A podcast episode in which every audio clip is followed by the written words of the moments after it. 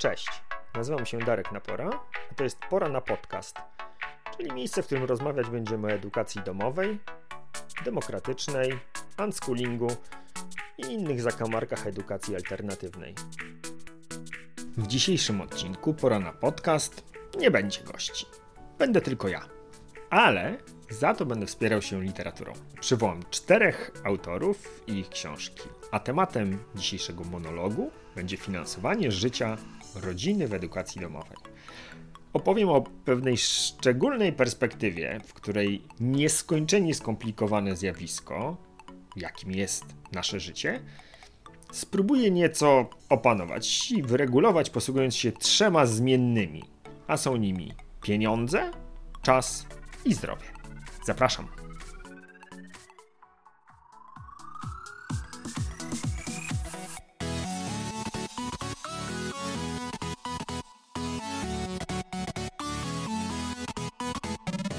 Dzisiaj będzie występ solo, mm, a to dlatego, że taki zwariowany pomysł na dzisiejszy odcinek wybrałem, że nie udało mi się znaleźć gościa ani gościni, która zechciałaby wziąć udział w tym nagraniu, ale nic to złego. Sam e, pogadam do mikrofonu. Mam nadzieję, że to będzie ciekawa dla Was e, pogawędka Darka z Darkiem. Jestem przygotowany, także nie będę gadał 3 po 3 para 5. Temat, który sobie na dzisiaj wymyśliłem, wziął się stąd, że to takie pojawiające się pytanie e, nieustannie na grupach e, o edukacji domowej, w jaki sposób e, ludzie czy rodzice z dziećmi w edukacji domowej zarabiają na życie. Mm, bo że no to w ogóle jest niewyobrażalne i nie do połączenia z edukacją domową. No i na początek oczywista oczywistość, że opowieści i scenariuszy jest tyle, ile rodzin, i każda rodzina jest pod tym względem mm, trochę inna. E, I też dlatego pewnie trudno mi było znaleźć osobę, która zechciałaby opowiedzieć o tym w taki kompleksowy e, sposób. No i ja też oczywiście mam siłą rzeczy ograniczone postrzeganie tego, co można, czy, czy, czy co jest do zrobienia, mm, ale żeby nie mówić tylko o tych własnych wyobrażeniach i własnych pomysłach na temat y, finansowania y, życia, mm, to postanowiłem się y, podeprzeć literaturą. Mm, ja książki czytać lubię, więc stwierdziłem, że a, skorzystam z tego, że tyle tych pieniędzy wydaje na książki i, i poopowiadam wam o tym, jak to różnie różni ludzie proponują, żeby, e, żeby sobie zorganizować. I zanim przejdę w ogóle do e, mówienia o finansowaniu życia rodziny, to dwa słowa wstępu na temat tego, jak wyglądają relacje szkoła, samorząd na poziomie, e, na poziomie finansowania właśnie edukacji domowej. Niestety to się zmienia dość dynamicznie i co, co kilka lat pojawiają się jakieś zmiany, e, ale w największej ogólności wygląda to tak, że e, szkoła otrzymuje subsydium oświatowe dla każdego ucznia, które jest jakimś tam odsetkiem e, subsydium, które otrzymują wszystkie szkoły dla swoich uczniów. No i to w różnych latach e, różnie wyglądało. Jak to wygląda w tej chwili, kiedy teraz tego słuchasz? Najlepiej po prostu porozmawiać ze, ze swoją szkołą macierzystą, ile oni tych pieniędzy dostają i w jaki sposób e, te pieniądze są wydatkowane, w jaki sposób wy jako rodzina możecie korzystać z tych, z tych pieniędzy. I to bardzo różnie w różnych szkołach wygląda. Szczególnie tutaj jest to istotne dla mm, rodziców dzieci z orzeczeniami o potrzebie kształcenia specjalnego, bo to subsydium wtedy jest e, naprawdę wymierną kwotą, która może bardzo wspierać rodzinę e, w tym, jak opiekowane są potrzeby, potrzeby dziecka. I tutaj i tutaj rzeczywiście jest tak, że rodzice mogą mieć realny wpływ na to, w jaki sposób te pieniądze będą wydatkowane, bo w momencie, kiedy dziecko y, jest w szkole, nawet w szkole specjalnej, to szkoła decyduje w całości o tym, jak wygląda e, wsparcie dziecka. W edukacji domowej wiele szkół oferuje e, rodzicom realny wpływ na to, gdzie i w jaki sposób te pieniądze będą wydatkowane. Także bardzo zachęcam do kontaktu z biurami IPET waszych szkół macierzystych, po to właśnie, żeby dowiedzieć się, w jaki sposób E, pieniądze, które oni otrzymują e, z samorządu, są e, wydatkowane. O, czy mogą być wydatkowane. No a teraz przejdźmy już do meritum tej dzisiejszej rozmowy, to znaczy zarabiania pieniędzy, tudzież pozyskiwania pieniędzy przez rodziny z dziećmi w edukacji domowej. Wybrałem na potrzeby tego dzisiejszego nagrania y, cztery książki, które z różnych perspektyw mówią o tym, w jaki sposób można to finansowe bezpieczeństwo, czy tą finansową stabilność sobie y, gwarantować. Mm, I co ciekawe, mimo że to czterech bardzo różnych autorów i cztery bardzo różne opowieści, to one wszystkie mają taki wspólny mianownik, który pozwoli nam spiąć trochę jak w klamrę tą moją dzisiejszą opowieść, a tymi wspólnymi mianownikami, czy tym wspólnym mianownikiem są takie trzy elementy, które się we wszystkich w zasadzie tych książkach pojawiają: pieniądze, czas oraz zdrowie. I to są takie jakby, ja sobie wyobrażam jako takie trzy gałki, czy takie trzy pokrętła, którymi możemy manipulować i w zależności od tego, jak będziemy nimi manipulować, to, to ma trochę wpływ na te pozostałe y, dwa. Mm, te dwie pozostałe zmienne. Y, I y, takim pierwszym pomysłem, który no, z mojej perspektywy wydaje się dość egzotyczny, ale wyobrażam sobie, że ktoś może, może tak mieć, to jest pomysł na to, żeby zorganizować swoje życie w ten sposób, że będę się starał tą gałkę z napisem pieniądze przekręcić na maksa, czyli maksymalizować swoje bogactwo. E, no i jak powiedziałem, dla mnie to zupełnie obca perspektywa, ale e, jest taka książka, e, której autorem jest Felix Dennis pod tytułem How to Get Rich i on opisuje taką właśnie perspektywę, to znaczy perspektywę osoby, której życiowym celem jest maksymalizacja bogactwa. On zresztą dość ostro definiuje, co w jego opinii jest bogactwem i w tej książce, która napisana była już kilkanaście lat temu, bo w 2006 roku, on mówił o takiej kwocie między 15 a 35 milionów funtów. To jest w jego opinii e, bogactwo. Teraz, no, to raczej nieosiągalna dla mnie nigdy perspektywa. Natomiast y, mam ogrom wdzięczności dla y, Feliksa Denisa za to, że tę książkę napisał, bo to pozwala jakby spojrzeć od wewnątrz na to, z jakimi kosztami wiąże się y, taki sposób organizacji swojego życia. I dla mnie takim najbardziej fascynującym i, i ciekawym elementem było właśnie kwestia rodziny. I Felix Denis bardzo jasno mówi o tym, że nie ma takiej możliwości, żeby połączyć rodzinę, w której relacje oparte są na poczuciu bezpieczeństwa, na bliskości, na zaufaniu, jeżeli Twoim celem jest przekręcenie tej gałki z napisem pieniądze y, na maksimum. To znaczy, rodzina w którymś momencie albo staje się spowalniaczem i uniemożliwia realizowanie tak zdefiniowanego celu, albo dzieje się to bardzo, y, bardzo jej kosztem.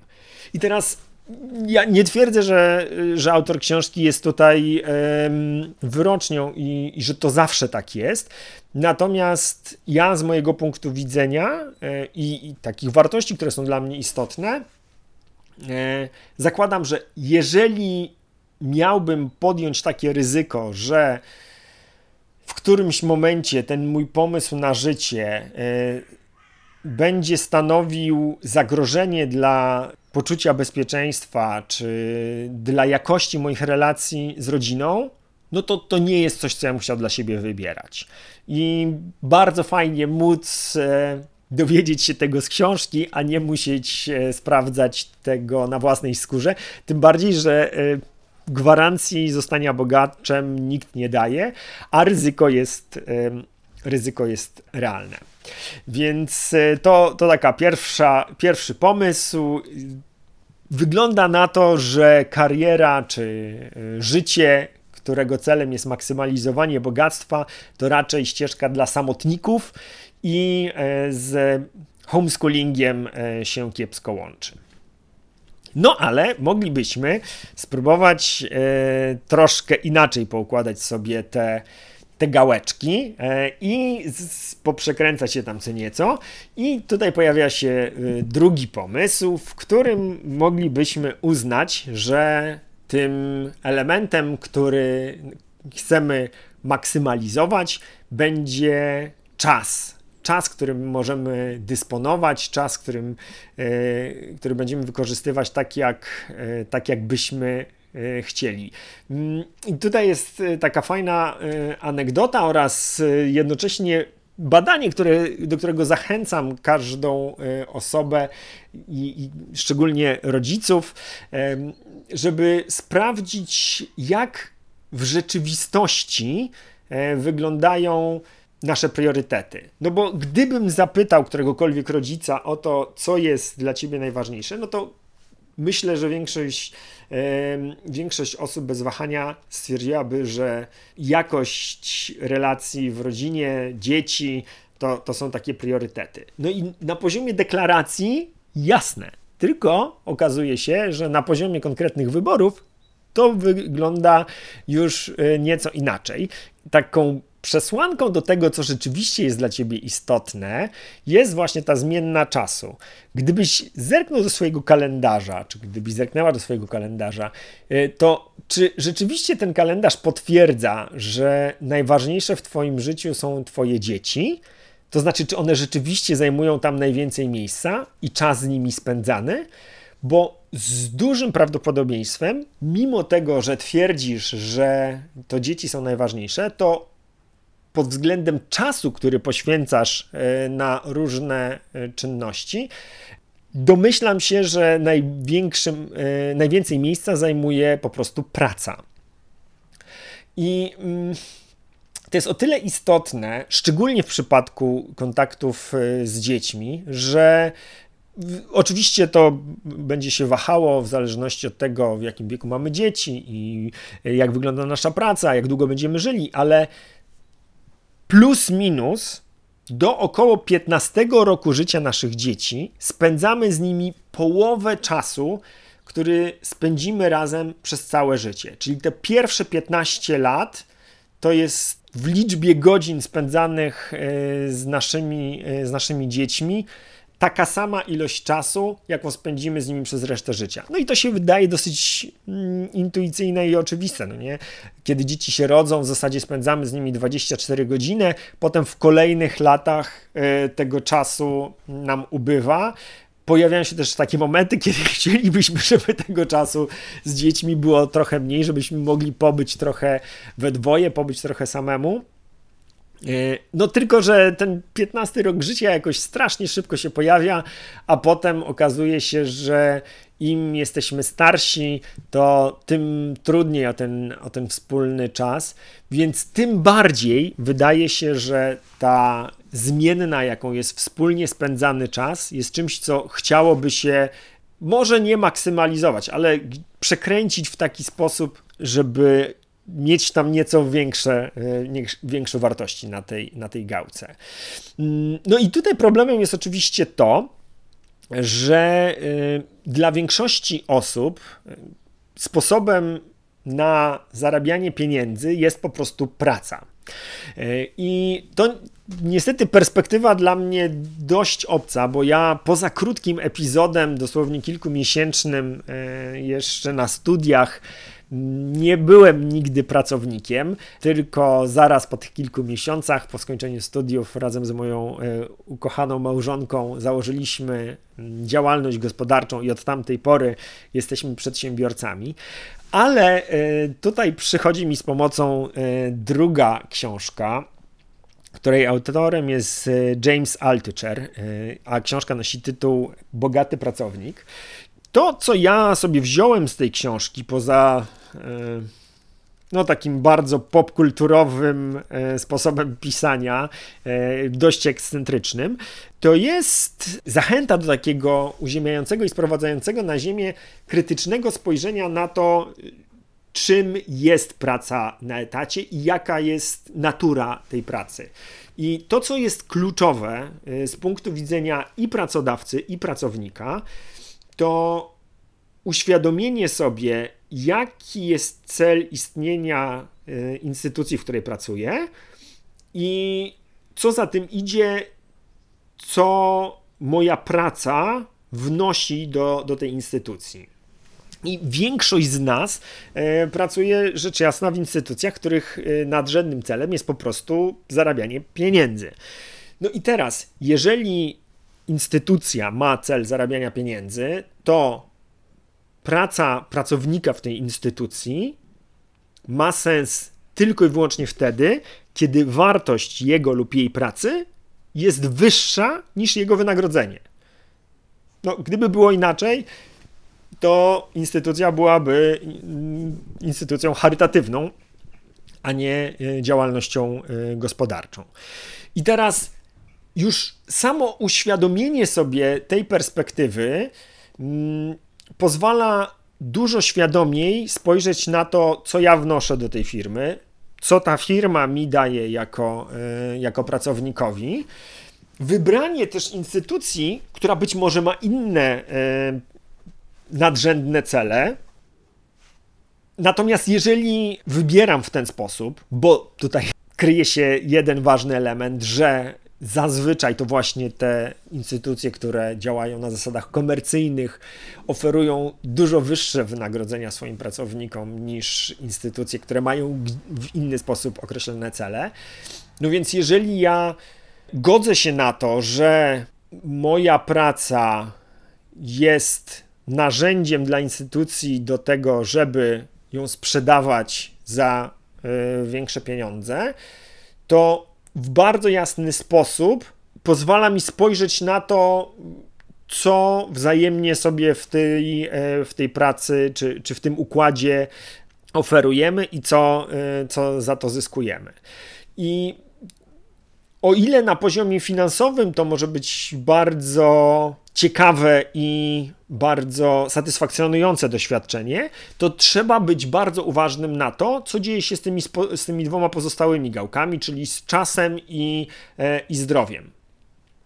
Bo y, tutaj, w zależności od miejsca, w którym pracuję, te dwa pozostałe elementy mogą być w bardzo, w bardzo różnych miejscach, natomiast zazwyczaj są w jakiś sposób e, uzależnione e, od tego, co dzieje się na gałce z napisem pieniądze.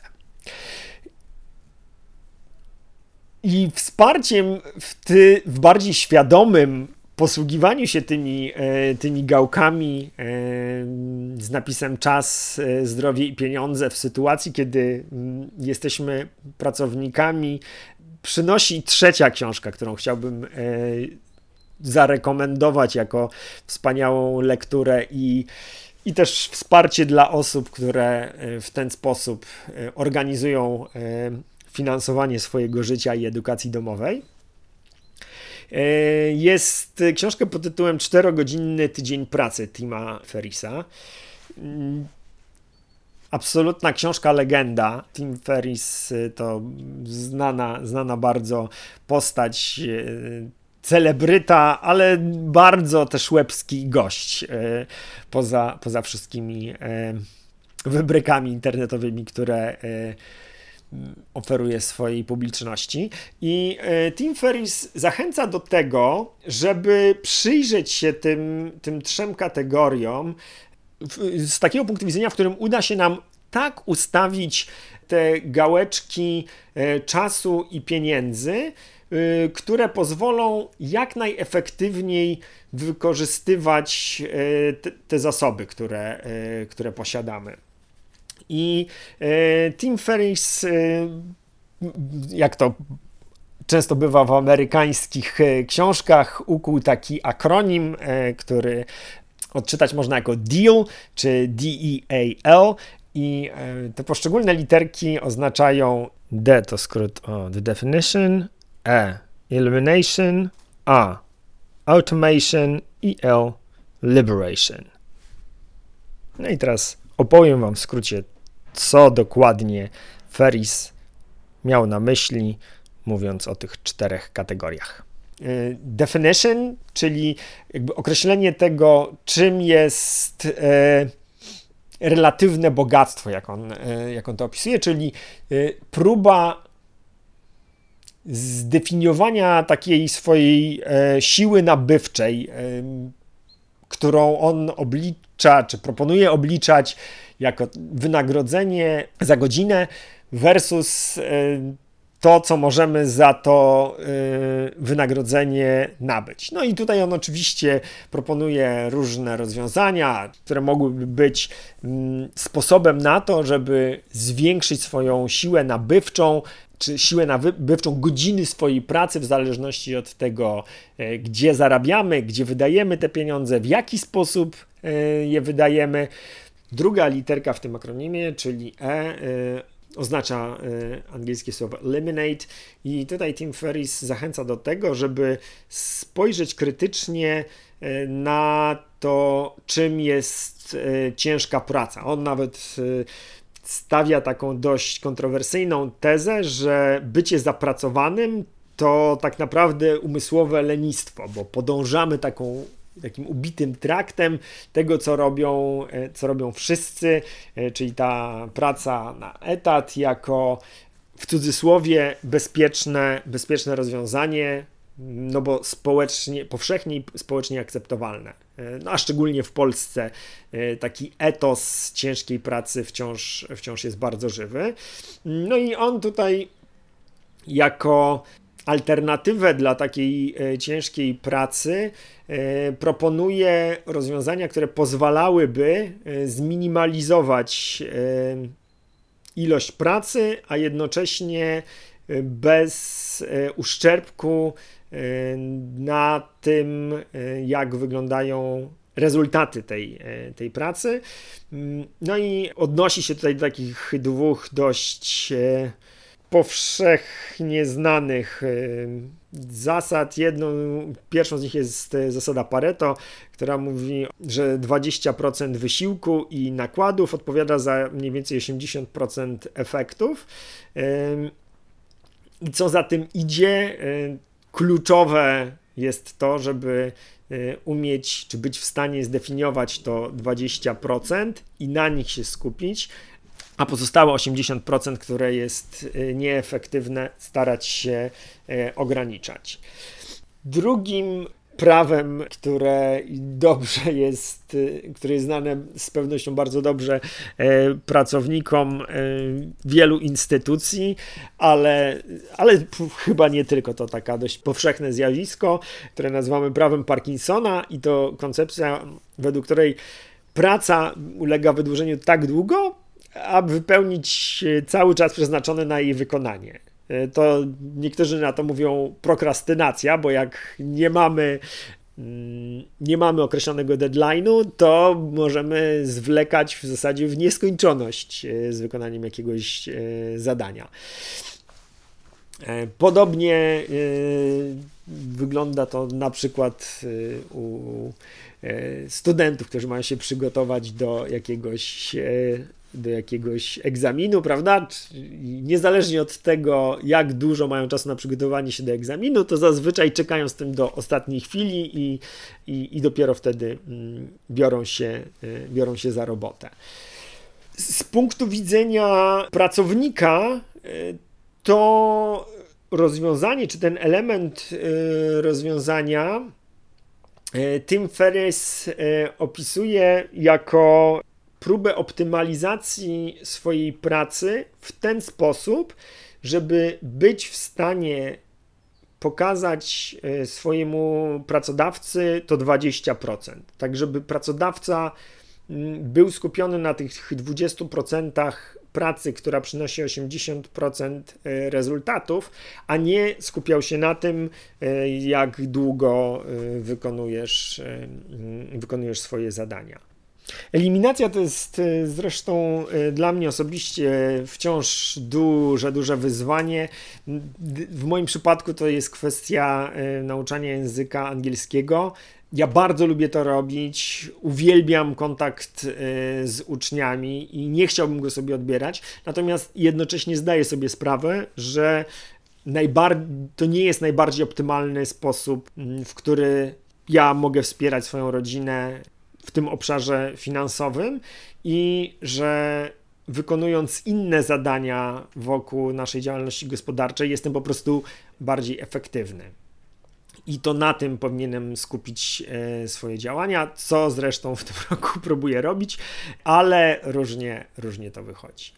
Bo ja nie chcę całkiem rezygnować e, z pracy przy tablicy, to jest po prostu zbyt fajne, żeby sobie tego całkiem e, odmawiać. Natomiast staram się korzystać też z trzeciego punktu, który proponuje Tim Ferriss, jakim jest automatyzacja czy automation, jak on e, to opisuje. Automatyzacja e, procesów, e, digitalizowanie maksymalnie dużej liczby kontaktów, outsourcowanie mm, na zewnątrz i delegowanie pracownikom jak największej części zadań. I z drugiej strony, co bardzo ważne, porzucenie produktów czy usług, y, w których nie jesteśmy w stanie sfinansować y, tej pracy y, w taki sposób, bo jeżeli nie opłaca się, żeby to zadanie wykonywał nasz pracownik, to tym bardziej nie opłaca się, żebym wykonywał je ja, a co za tym idzie, nie opłaca się w ogóle, żeby ta usługa czy ten produkt istniał. Co takim bardzo fajnym lupem, czy takim, taką pętelką wraca do poprzedniego e, punktu, czyli eliminowania tych e, działań i tych e, prac, które są nieefektywne. Tu oczywiście ten element jest może nieco mniej relevantny dla, pra, dla osób pracujących na etacie, ale jest to jakby wgląd w to, jak można organizować swoją pracę taki sposób, żeby, mm, żeby ona była po prostu efektywna i wydajna. No i wreszcie ostatnia rzecz w tym akronimie, czyli Liberation. Ferrisowi chodzi po prostu o mobilność, czyli o możliwość podróżowania po, po świecie. Po pierwsze, jest to wspaniałe doświadczenie. Możliwość podróżowania z dziećmi jest bezcennym doświadczeniem ale po drugie pozwala też spiąć ten układ efektywności e, w zupełnie nowe wymiary. No, nie muszę nikomu tłumaczyć, że na przykład zarabianie e, pieniędzy w Szwajcarii, ale wydawanie ich e, w Indiach to jest bardzo intratny układ. Edukacja domowa bardzo fajnie się wpisuje w takie właśnie rozwiązania, w których praca zdalna, praca, która nie wymaga przebywania w biurze, jest łączona z taką edukacją, e, która nawet nosi swoją, e, swoją nazwę, to jest world schooling, czyli taka właśnie takie życie, życie w podróży. Mm. Tim Ferris pokazuje i James Altucher pokazują, jak można poruszyć tą drugą gałką, czyli e, kwestią, e, kwestią czasu. I oni delikatnie dotykają tego, tej trzeciej gałki. Absolutnie przełomowe dla mnie i naprawdę no, tak powiedziałbym, zmieniające, y, zmieniające sposób patrzenia na rzeczywistość było doświadczenie przeczytania y, książki y, Billa Perkinsa pod tytułem Śmierć z zerem na koncie, bo on właśnie dokłada bardzo świadomie do tych dwóch obszarów, to znaczy mm, pieniędzy i czasu. Może znacie takie określenie, że ludzie dzielą się na dwie kategorie: ci, co mają pieniądze, ale nie mają czasu, oraz ci, co mają czas, ale nie mają pieniędzy. No, to jest prawda, tylko Bill Perkins dorzuca jeszcze do tych, znaczy, dobra, nie jest prawda, są i tacy, i tacy, ale dorzuca jeszcze do tego takiego dwuwymiarowego układu, dorzuca trzeci, trzecią zmienną, jaką jest zdrowie, czy nasz stan zdrowia.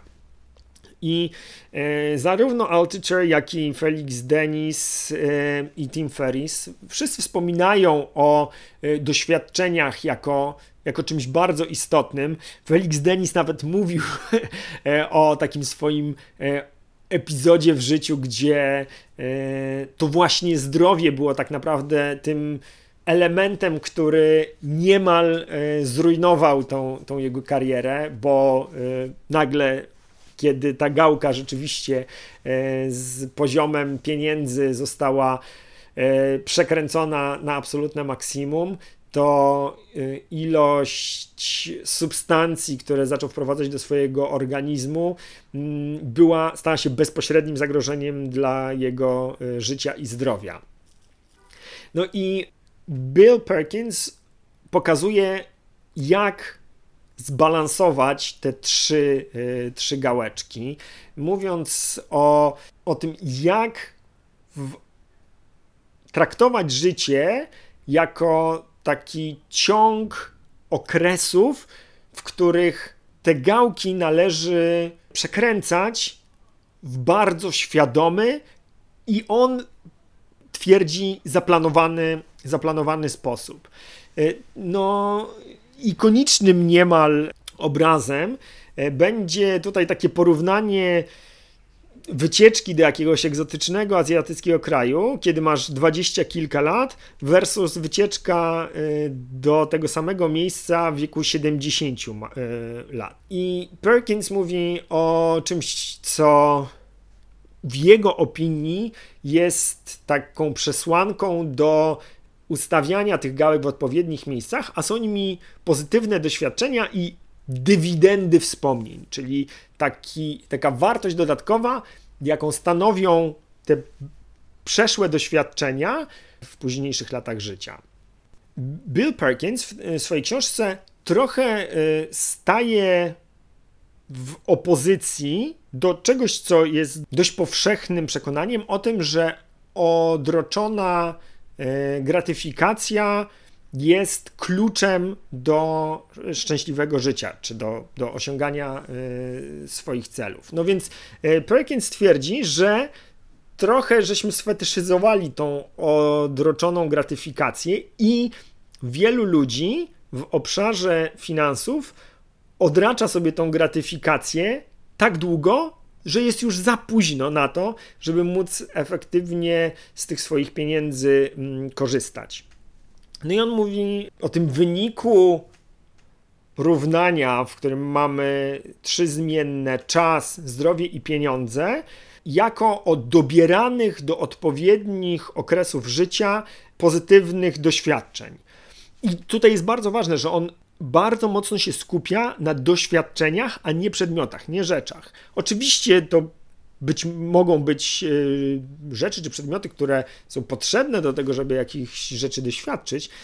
Wydaje mi się, że ten trzywymiarowy układ, czy trzyelementowe równanie bardzo fajnie opisuje to, jak e, różne osoby mogą dopasowywać to, co dzieje się w ich rodzinach, w edukacji domowej do, do swoich potrzeb. No bo zupełnie inaczej wyglądają potrzeby e, rodziny z kilkuletnim dzieckiem i zupełnie inaczej wyglądają e, potrzeby czy strategie zaspokojenia potrzeb osoby, mm, osoby z dzieckiem nastoletnim, czy w szczególności mm, z dorosłymi dziećmi.